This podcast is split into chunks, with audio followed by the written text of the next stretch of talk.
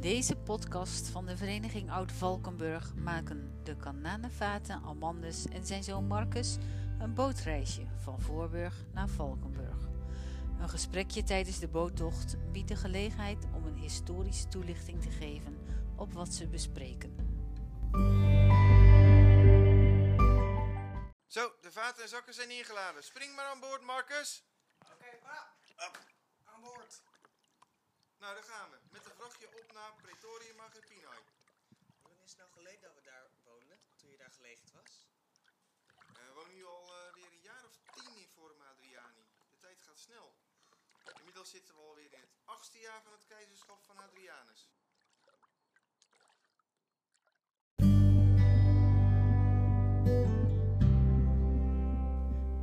Forum Hadriani, nu Voorburg, was wat je zou kunnen noemen de hoofdstad en de marktplaats van de Kananenvaten.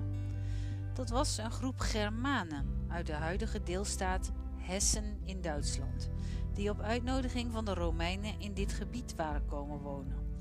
Ze woonden in het meest westelijk deel van de Nederlandse Limes, ten zuiden van de Oude Rijn, vanaf ongeveer Woerden tot de kust.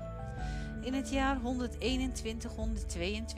verhief keizer Hadrianus tijdens zijn bezoek hier de plaats officieel tot marktplaats. Daarbij kreeg het stadje met ongeveer duizend inwoners ook zijn naam.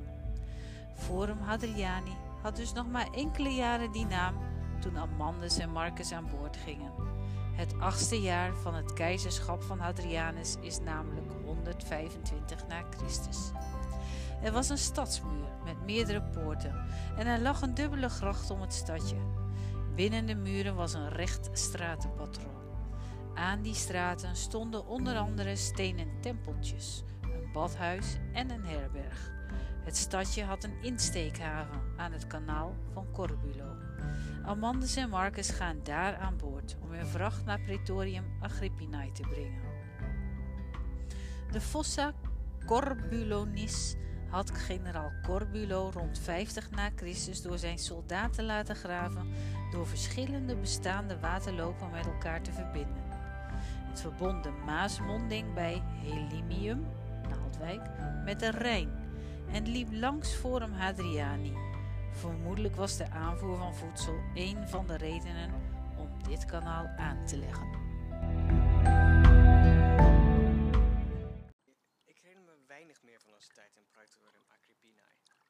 Nog maar zes jaar toen we daar weggingen.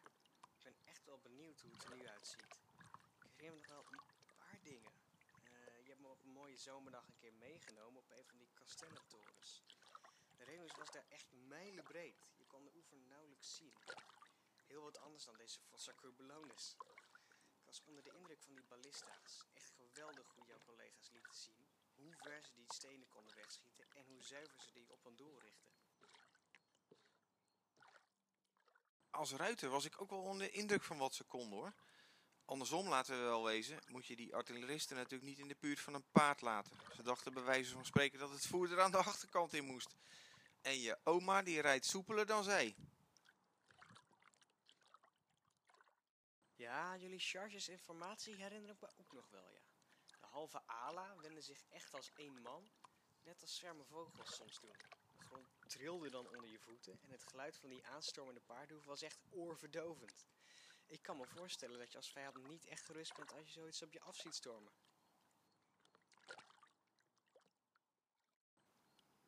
Dat is ook de bedoeling.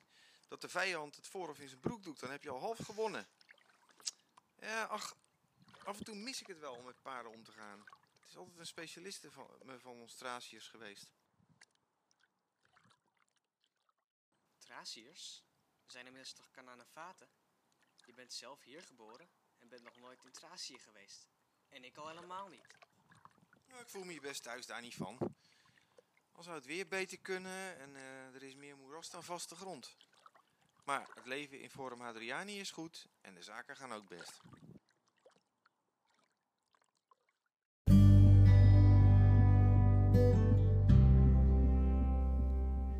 Praetorium Agrippinae. Vanaf ongeveer 70 na Christus was Praetorium Agrippinae de basis voor het vierde, Thracische cohort met paarden. Een cohort omvatte 480 militairen, waarvan in dit geval 120 man cavalerie. Een ruitereenheid heette een ala, dat is Latijn voor vleugel. Hun castellum lag pal aan de Rijn. De rivier vormde op dit punt een waddenachtige delta van minstens 3 kilometer breed. Aan de noordkant lag een gebied met talloze kreken, waarin zich zoetwaterpiraten ophielden. Met hun snelle kano's hadden zij het voorzien op de Romeinse vrachtschepen op de Rijn. Vandaar dat er op de torens van het castellum ballista's stonden, die vuistgrote ronde stenen over grote afstand konden werpen om de piraten op voldoende afstand van de vrachtschepen te houden. Het vierde Tracische cohort met paarden behoorde tot de auxilia, hulptroepen. De soldaten deden 25 jaar dienst.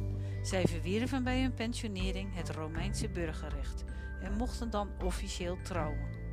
Voor die tijd hadden ze vaak al lang een vriendin en ook kinderen bij haar. Ongeveer de helft van de militairen haalde hun pensioen overigens niet. Het soldatenvak was gevaarlijk en mensen werden gemiddeld een stuk minder oud dan tegenwoordig. Amandus zat dus bij de gelukkigen die het wel haalden.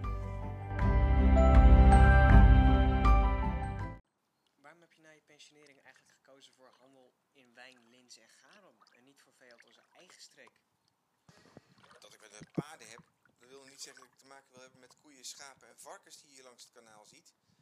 Micilius uit Atuatuca was een oude strijdmakker. Dus toen hij een afzetmarkt zocht voor zijn producten in onze streken, heb ik die kans aangegrepen.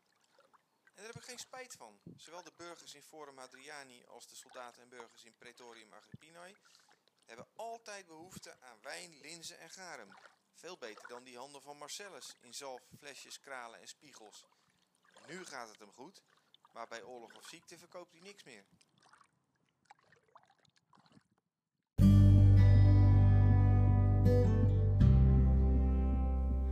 Weinige boerderijen rond Praetorium Agrippinae op de smalle oeverwallen in dit gebied waren bij lange na niet voldoende om de honger van zo'n 480 militairen, hun gezinnen, ondersteunende ambachtslieden, dienstverleners en de boeren zelf te kunnen voeden.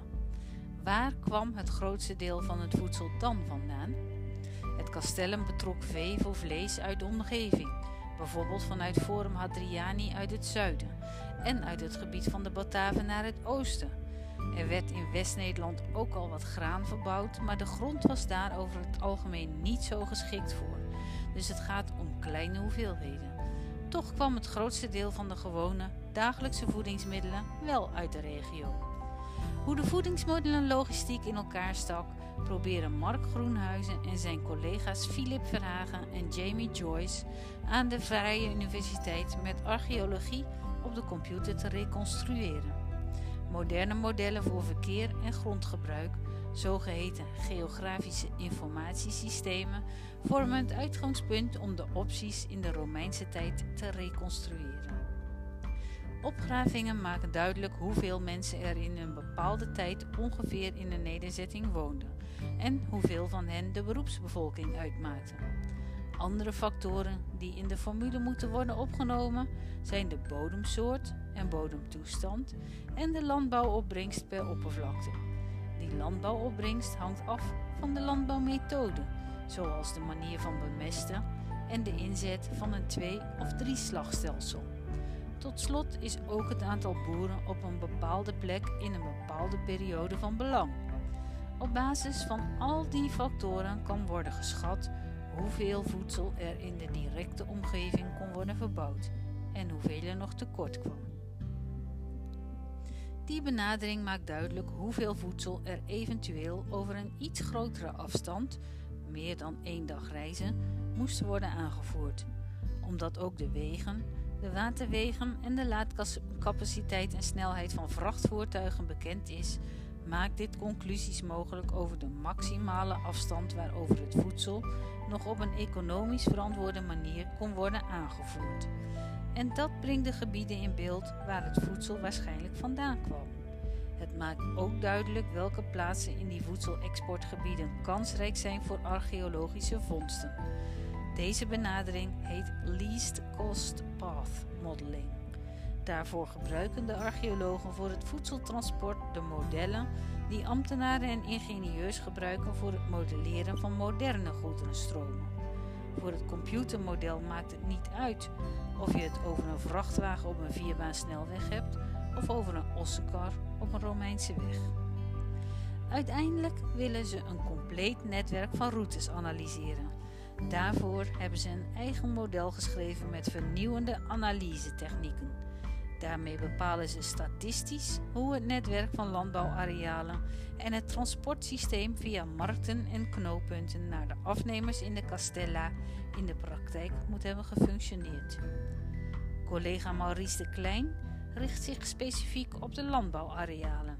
Hij benut daarbij de data over nederzettingen en transportmogelijkheden. Voor het in kaart brengen van onbekend landgebruik uit het verleden gebruikt hij een model dat is afgeleid van de modellen die beleidsambtenaren gebruiken voor toekomstig landgebruik. Zo bepaalt hij waar veeteelt en akkerbouw geweest kunnen zijn en hoe groot de totale productiecapaciteit kan zijn geweest. Zijn gegevens over productie sluiten mooi aan bij die van zijn collega's over de vraag naar voedsel en de transportmogelijkheden. Welke conclusies over het gebied van de Cananefaten maakt dit mogelijk? Ten eerste is er een nauwe relatie tussen lokale bevolking en het militaire personeel. Het waren stamgenoten. De relatief weinige boeren in een strook van 20 kilometer zuidelijk van de Rijn produceerden voedsel voor de relatief vele lokale militairen. Beide groepen samen vormden een groot deel van het totale aantal consumenten. Het landbouwareaal was in die beperkte strook te klein om lokaal volledig in de voedselbehoeften te voorzien. Er moest dus voedsel worden aangevoerd. Dat voedsel kwam uit een strook met een breedte van ongeveer 60 kilometer zuidelijk van de Rijn. De Limesweg was niet zo belangrijk voor dit voedseltransport. Ook de Rijn was van ondergeschikt belang voor dit regionale voedseltransport. Dat is over deze relatief korte afstanden niet zo geschikt. Wijn, linzen en garum, een hartige vissaus die vermoedelijk veel lijkt op de Thaise vissaus Nampla, moesten van verder worden aangevoerd.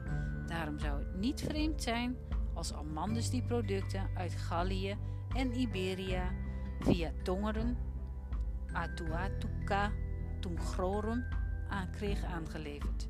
Het kon via de Maas naar Forum Hadriani worden gebracht.